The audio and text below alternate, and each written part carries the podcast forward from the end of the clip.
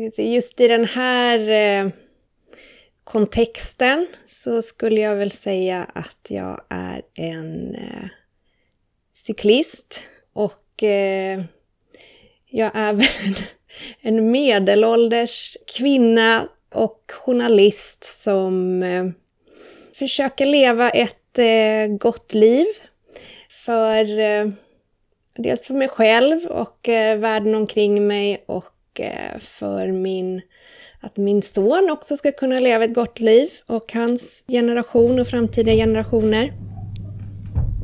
Vad bra. det lät lite självgott kanske, jag vet inte. Men, men med tanke på det vi ska prata om så eh, var det väl det jag kom att tänka på. Ja. Hej och välkomna till Cykla mot målen. En podcast från Cykelfrämjandet i syfte att belysa FNs globala hållbarhetsmål.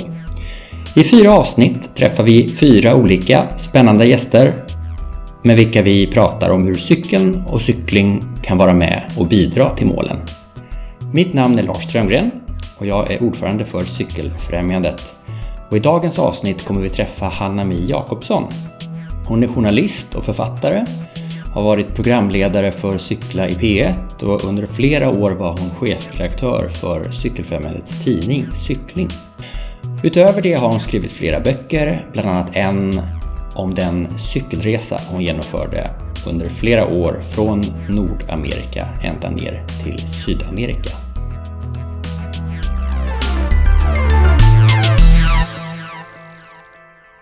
Just nu är jag i min säng med massa soffkuddar runt omkring för att få ett fint ljud. Och jag är i mitt hus på Gotland, eh, i Vamlingbo, nere i södern. Ja. För vi ska ju prata om bland annat de globala målen. Eh, och då är det ju så att FN har tagit fram ett antal globala mål, eh, 17 stycken. Och under några samtal här så kommer vi möta eh, spännande personer som har olika infallsvinklar och erfarenheter och tankar kring de här målen. Och vi har valt ut ett mål till dig Hanna och det är mål nummer 16 som handlar om att skapa fredliga och inkluderande samhällen. Och då tänkte jag bara fråga dig, vad betyder fredliga och inkluderande samhällen för dig?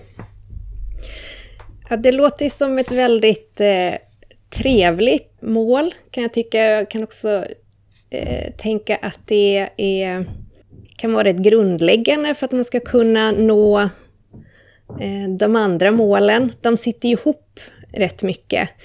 Eh, men om jag tänker på motsatsen till fredliga och inkluderande samhällen är väl samhällen där det finns mycket våld eller konflikter och kanske krig och kanske oförståelse och diskriminering. Och, och jag tänker att det är väldigt svårt att eh, ha någon slags samarbete över olika typer av gränser eh, och kunna få speciellt mycket gjort om man har de här andra problemen. Vad, vad, tror du generellt sett att sätta upp mål? Är det ett bra sätt tror du för att nå till en bättre värld? Ja, det är väl en, en av komponenterna. Tänker jag, har vi inte de här målen så har vi inte så mycket, så vet vi inte åt vilket håll eh, vi ska. Sen är det ju eh, såklart en fråga om vilka metoder man ska eh, använda för att nå dit. Och att bara ha mål räcker ju inte, utan man måste ju också ha agerande och åtgärder och ja, handlingar för att kunna nå dit. Men det är en, en, eh, en riktning. För det finns ju, det är ju alltid väldigt spännande när man ser de här stora eh, konferenserna eller toppmötena när man beslutar om miljömål eller, eller som i det här fallet då globala mål och så. Men man, ibland kan jag uppleva att man, man blir så stolt när man har klarat av att skapa målen så att luften går ur lite. Men det, hur tror du man kan göra för att, att målen verkligen ska leda till handling? Ja, man måste ju ta hem dem på något sätt. Och ta hem dem eh, nationellt, så att eh, politikerna agerar och även regionalt. Eh, men också lokalt och, och, på någon nivå också individuellt. vi måste ju eh, göra någonting själva och inte bara tycka att, att det är bra att vi har enats om ett mål, som de här 17 målen, eller ett eh, Parisavtal, utan det måste ju också leda, leda vidare om det ska ge någon form av resultat. Men, men jag tror som sagt att det är väldigt svårt att, att komma någonstans när det behövs såna omfattande eh, globala förändringar. Det, det kräver eh, internationellt samarbete, men själva arbetet måste ju på något sätt eh, ske på hemmaplan. Lite som du säger det här att ta hem målen, det är det vi från Cykelfrämjandet vill göra i och med de här samtalen och det här projektet som vi nu har genomfört under det här året eh, med stöd från Sida. Där vi har tagit fram en kalender för att folk varje månad ska kunna påminnas om de här målen men också där vi försöker hitta kopplingen till just vår roll i det här, cykelns roll. Ehm, och Ehm, du har ju en del erfarenhet av, av, cykling, inte minst som cyklist själv men också genom att, att eh, både göra radio och, och skriva om cykling.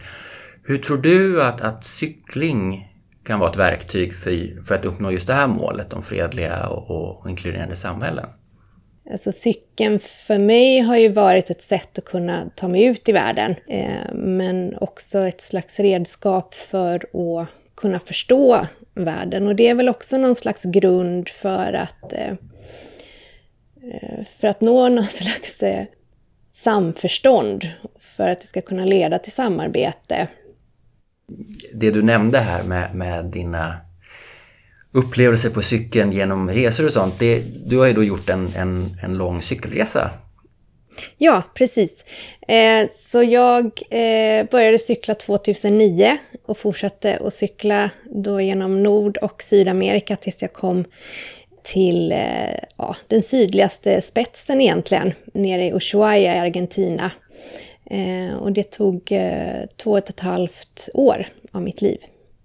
Och hur, för att jag har ju... Jag personligen har ofta tänkt att det vore helt fantastiskt att göra en sån resa, men hur kommer man med idén och hur förbereder man sig inför en sån, ett sånt äventyr? Ja, idén har väl eh, växt fram under åren. Jag har ju alltid eh, rest på olika sätt och det börjar väl egentligen med flygturer över till eh, eh, till Gotland till mina släktingar när jag var barn. Rest eh, mycket charter under min uppväxt som ledde vidare till språkresor. Gjorde en runtresor som backpacker. Jag har gjort, eh, skrivit uppsatser i andra länder och har, har rest på väldigt många olika sätt. Och under de här resorna så kan jag minnas i vart fall två gånger som jag har sett långfärdscyklister och tänkt att det där måste ju vara det optimala sättet att resa på. Och sen när jag testade själv så insåg jag att så, så var det ju. Att resa på en cykel är liksom ett sätt att komma mycket närmare de samhällen som man eh, tar sig igenom. Och man tar sig verkligen tid och, och tar sig även igenom de här de här mellanrummen. Man åker inte bara till turistdestinationerna eller dit man ska, utan man, man upplever eh, världen däremellan också. Och egentligen så, så tror jag inte att jag förberedde mig sådär jättemycket. Det har ju liksom varit eh, eh, successivt att jag har liksom uppgraderat mitt, eh, mitt sätt att resa. Och under själva resan eller har det varit mellan de här olika Egentligen så har jag liksom, jag hade bara två veckors tror jag förberedelser med att förbereda packning, cykla runt några dagar i Sverige för att testa hur det var att tälta själv och sådär. Eh, och sen har det varit eh, att lära mig längs vägen och se det som funkar och inte funkar.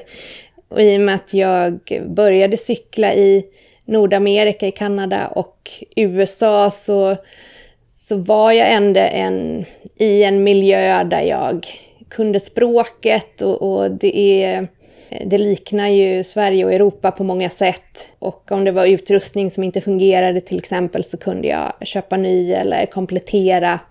Så att eh, det var väl lite som en eh, teststräcka där. innan jag kom till Mexiko och det började bli lite mer på allvar. Var det någonting längs resan som du kände att... Alltså var, var det som du hade förväntat dig eller, eller, var, eller var, det, var det annorlunda? Både och. Det är väl aldrig riktigt som man eh, förväntar sig. På något sätt har man den här fina romantiska bilden att man ska cykla runt i, i de här vackra naturområdena som jag också har gjort. Men det är ju också en hel del sträckor där man behöver hantera trafiken. Och att det är mycket stora vägar och eh, det också är en del av upplevelsen och en del av världen. Så det var väl kanske inte de här trafikerade eh, eh sträckorna som jag hade dagdrömt om. Men sen, eh, sen var det ju andra saker som man som man inte hade tänkt. Jag hade ju inte planerat någonting i detalj så att det var väldigt många områden som, som jag inte visste att jag skulle cykla igenom och som har gett väldigt mycket. Och då har jag inte heller haft några förväntningar utan har blivit eh, positivt överraskad. Någonting som jag eh, tycker är väldigt intressant när man pratar om liksom, stadsplanering eller generellt hur man bygger samhällen och som jag blev lite påmind om i morse här på väg på väg hit till, till Cykelfrämjandets kansli på cykeln när en, en bil kom från vänster som inte såg mig och som bara körde på fastän jag egentligen hade rätt att, att cykla eftersom jag kom från höger. Och, och, eh, nu har jag ändå genom årens lopp tränat upp mina impulser så att jag blir liksom inte så arg och upprörd som jag kanske blev när jag var lite yngre utan det är mer att jag säger liksom högerregeln mister. Men det, det är inte liksom mer aggressivt än så. Men, men jag såg ju då att den här personen inte alls såg mig. Så att det finns ju liksom i, i ska säga, bilsamhället eller som du beskriver de här eh, stora vägarna med. Så det är just den här avsaknaden av kontakt som kanske också påverkar hur, hur samhället funkar. Och eh, med cykel kommer man ju så nära. Kan inte det också vara skrämmande när man är ute och reser så här? Just att man, man blir så exponerad. Jo, och, och komma nära de här tunga lastbilarna som dundrar förbi en är ju inte en trevlig typ av närhet. Men man kommer ju nära de här samhällena och de här människorna som bor där när man, när man cyklar förbi. Så den typen av närhet eh, har jag inte fått på något annat sätt eh, när jag har rest. Och sen finns det Eh, såklart som du säger, det finns ju en form av eh, utsatthet. Och jag tror också att det var det som skrämde mig lite från början och då handlar det nog inte liksom utsattheten i, i trafiken som egentligen är, är den värsta i realiteten utan den utsattheten som jag var rädd för var ju snarare att vara liksom en ensam oskyddad trafikant liksom på de här, eh, de här stora kontinenterna. Och att det snarare skulle vara några människor som skulle vara ute efter att skada mig på något sätt. Men det jag upptäckte var ju också att den utsattheten gjorde att de jag mötte kände en väldig liksom, omsorg om mig och ville beskydda mig och, och tyckte synd om mig eh, i någon grad. Så att jag blev ju så otroligt väl bemött av människor som bjöd in mig i deras hem så jag kunde bo där eller som bara stannade för att, och ge mig en vattenflaska på vägen till exempel. Och den där utsattheten vändes ju ändå till, eh, till något fint, till någon, eh, någon slags omsorg. Var det några fördomar du hade inför resan om någon upplevelse eller om något land eller så som, som antingen blev bekräftad eller som, som du fick omvärdera? Ja, alltså jag tror de, de största fördomarna jag hade handlade nog om eh, människor i USA och tänkte att de var på ett visst sätt och eh, och också det, det är ett så pass bilberoende land, vilket i och för sig alla länder är. Men, men jag tänkte inte att det skulle vara så trevligt att vara cyklist i eh, ett land som USA. Men, eh, men där blev jag ju extremt väl bemött också och, och kände också en, eh, en otrolig liksom, samhörighet med. Jag tyckte inte det var så jättemycket som skilde mig och, och de här amerikanerna egentligen. Eh, och också jag cyklade ju till exempel med ett gäng klimataktivister och blev eh, otroligt imponerad av dem och eh, beundrade dem väldigt mycket för liksom, deras engagemang och, och energi.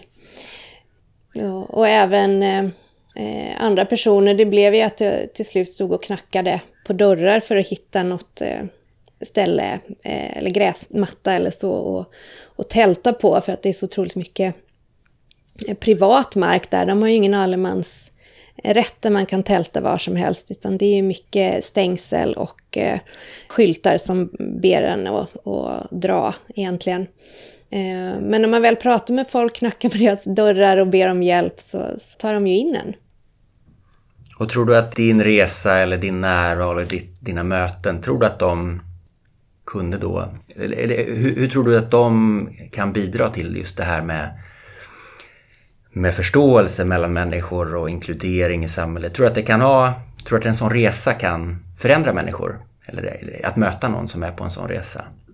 Jag tycker ju att, eh, att jag har en liten förändrad syn och jag har ju liksom mött så mycket välvillighet och jag har ju också mött andra långfärdscyklister längs resans gång. Och eh, jag skulle säga att vi har ju liksom eh, haft den mest positiva synen på världen. Just för att vi har blivit så väl omhändertagna och för att vi har, Eh, vi har ju liksom rest långsamt, Eh, folk är väldigt nyfikna när man kommer eh, och vill ta hand om en och bjuda in en. Jag vet när jag har jämfört med andra personer som jag har träffat längs vägen som kanske har flygit runt eller åkt buss eller bilat eller sådär så har de inte alls haft eh, samma typ av upplevelser eller inte har blivit bemötta på samma sätt. Så jag tror att långfärdscyklister har liksom, eh, ser ju kanske världen som de har cyklat igenom som en, en, väldigt, eh, en väldigt vänlig plats. Det är ju eh, speciella tider eh, de vi befinner oss i just nu. Eh, mm. Världen har ju förändrats extremt mycket nu på bara några veckor eller månader just på grund av corona och, och eh, stängda gränser och sådär. Och vi får ju se lite hur det påverkar oss på längre sikt. Men inför sommaren här så är det flera som har hört av sig till Cykelfrämjandet mm, som är intresserade av att, att göra en, en cykeltur. Och då kanske det inte blir en sån lång resa som du gjorde eftersom det är svårt att ta sig över gränser och så. Men det är väldigt kul tycker vi att folk hör av sig och, och vill göra den typen av resa. Och, och då skulle det vara kul att höra dina tankar kring vad vi kan, ehm, ja men vad vi ska berätta för dem eller vad, vad, vad bör man ha ehm, för inställning eller vad bör man förbereda för att om man till exempel planerar en cykelresa i Sverige nu i sommar? Jag tänker att man kan göra det ganska enkelt för sig. Man behöver inte tänka sådär jättemycket på att man behöver ha helt rätt utrustning och sådär. Det kan vara bra att ha en cykel som såklart har, har lite växlar så man kan klara eh, lite olika typer av backar och, och kanske olika typer av terräng och sådär. Och gärna vattentäta väskor. Eh, jag föredrar ju att kunna ha friheten att tälta eh, när man vill eller när det behövs och kanske ha tält och kök eh, med sig. Men annars att eh, att bara försöka. Jag tänker speciellt när man cyklar runt i Sverige, är det någonting som inte funkar eller man behöver en reservdel eller sådär, så är det inte sådär jättesvårt att, att få tag i. Så det är bara att, att ta med sig tält, eh, lite kök, eh, lite mat, eh, lite enkla kläder och, och, lite verktyg som man kan eh, åtminstone laga en punktering om man eh, hamnar ute någonstans där det inte finns några reservdelar att köpa. Och bara testa sig fram, helt enkelt. Skulle du säga att tälta är att föredra om man vill ha den verkliga upplevelsen av cykelresan? Ja, för mig är det en del av det, men det är också, jag gillar ju liksom den här mixen av att eh, kunna ha friheten att eh, tälta, men också och bo på hotell eller eh, vandrarhem. Eh, men sen också att bo eh, hemma hos människor. Nu vet jag inte om, det, om man ska göra det med tanke på smittspridning och så i, i dessa tider, men, men jag har ju använt mig en del av eh, internetforum som Warm Showers och eh, Couchsurfing, där man faktiskt kan eh, bo hemma hos eh, andra personer som gärna vill ha en cyklist som kommer förbi och berättar lite historier från resan. Jag, jag, tänker kopplat till det här målet eh, om fredliga och inkluderande samhällen så vet jag att eh, på södra Gotland där du bor så eh, kom det en större grupp som jag förstod eh, nyanlända för något år sedan. Och där förstod jag det som att både Cykelfrämjandet och du och de andra där i området var väldigt aktiva i att försöka få dem att eh, bli en del av samhället men också eh, tack vare cykeln kunna ta sig runt. Kan du berätta lite grann om, om hela den episoden? Ja, det var ju 2015 där på hösten så eh, kom det nästan 100 personer hit över en natt, eh, vilket ökade eh, befolkningen här nere rätt rejält.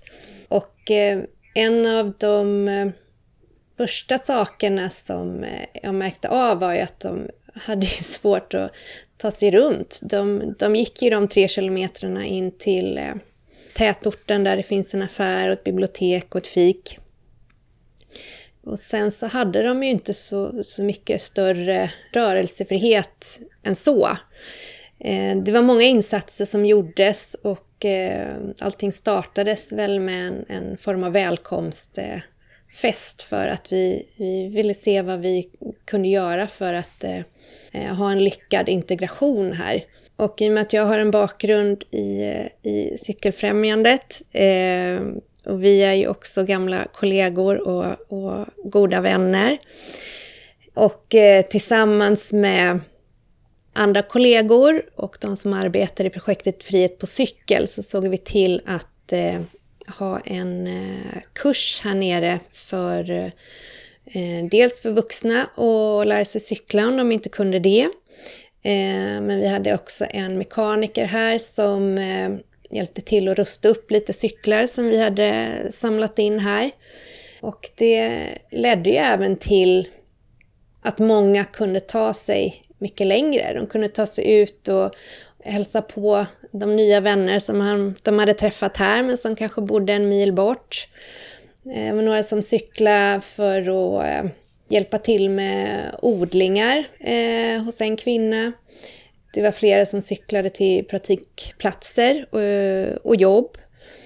Det var även andra som, som cyklade runt bara för att upptäcka den nya plats som de hade kommit till. Så det var väldigt eh, roligt eh, att se hur de här eh, nya vännerna fanns på de gotländska vägarna på sina cyklar på lite olika ställen.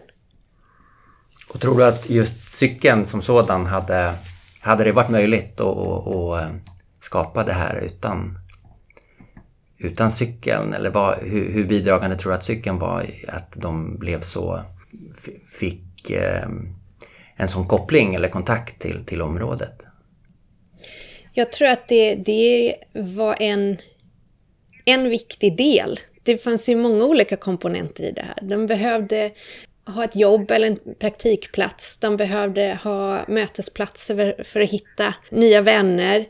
Men det var ändå cykeln som kunde ta dem dit på ett eh, lättillgängligt sätt. Så jag tycker tycker nog att det var en en komponent för att få det här integrationspusslet att, eh, att fungera. För att återgå till just det här målet, eh, eller FNs mål då. Vi pratade ju förut om att eh, de här målen de, de presenteras på konferenser och, och eh, det är mellan länder och så vidare. Och, men för att de verkligen ska kanske göra nytta så behöver man göra dem till sina egna. Hur skulle du säga om du ser det kommande året eller två åren? Hur tror du att du kan göra målet om fredliga och inkluderande samhällen till, till ditt mål och, och, och vad tror du att du kommer göra i dess anda så att säga? Jag vet inte riktigt om, om det är specifikt det målet. Eh, eller så kommer det komma in på något sätt. Jag tänker att det finns så många andra mål som handlar om hållbara samhällen och eh, miljövänliga transporter och försöka göra någonting för eh, när det gäller klimatförändringar. och där kommer jag ju liksom fortsätta och fortsätta att cykla. Just nu är ju cykeln eh, liksom ett eh, transportmedel i vardagen. Det är inte ett sätt att ta mig till nya platser och nya miljöer på det sättet som det har varit tidigare. Men jag hoppas ju, kanske inte om ett, två år, men kanske om eh, 15-20 år, så hoppas jag ju att, eh, att jag ska kunna ge mig ut på en sån här långtur igen, fast med, med min son. Jag förstår. Vi ser fram emot att höra mer om de äventyren och skulle jag vilja tacka dig Hanna Mi Jakobsson från södra Gotland för att du tog dig tid att vara med i det här samtalet med Cykelfrämjandet om cykling och de globala målen.